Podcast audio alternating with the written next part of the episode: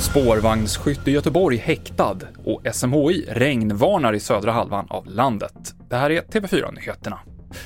Ja, den man i 60-årsåldern som misstänks ha skjutit en 30-årig kvinna i magen på en spårvagn i Göteborg i veckan har nu häktats misstänkt för grovt vapenbrott och grovt vållande till kroppsskada. Åklagaren har tidigare sagt att det troligen rör sig om ett vådaskott och uppger nu att han baserar det här på övervakningsfilmer inifrån spårvagnen. SMHI har gått ut med en gul varning för skyfall i stora delar av Götaland, Svealand och södra Norrland. I de kraftigaste skurarna så kan det komma omkring 70 mm på vissa håll och det motsvarar mängden för en hel augusti månad.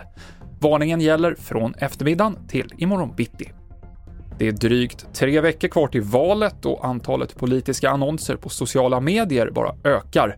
Det gör även de så kallade attackannonserna, säger analytikern Olof Gränström. Man skruvar ju upp tonläget desto närmare valet man kommer.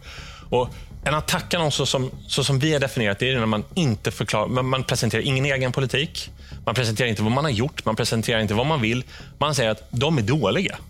De har gjort fel de kommer förstöra för landet. Och de som då lägger, gör mest, det är ju stora oppositionspartiet ja. och, och missnöjespartiet skulle man kunna säga. Så det kanske inte är så konstigt det heller. Nej, och sist jag var här då var ju KD de som hade, ja. gjorde det mest. Men nu ser man ju att det är Moderaterna och Sverigedemokraterna och, och till viss del Socialdemokraterna. Så det följer ju till viss del hur stora partierna är.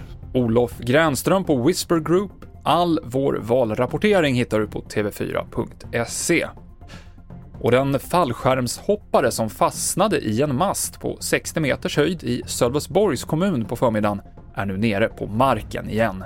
Han kunde själv klättra ner efter att personal från räddningstjänsten klättrade upp i masten, säkrade honom och kopplade loss fallskärmen.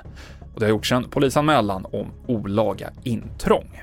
TV4-nyheterna i studion Mikael Klintevall.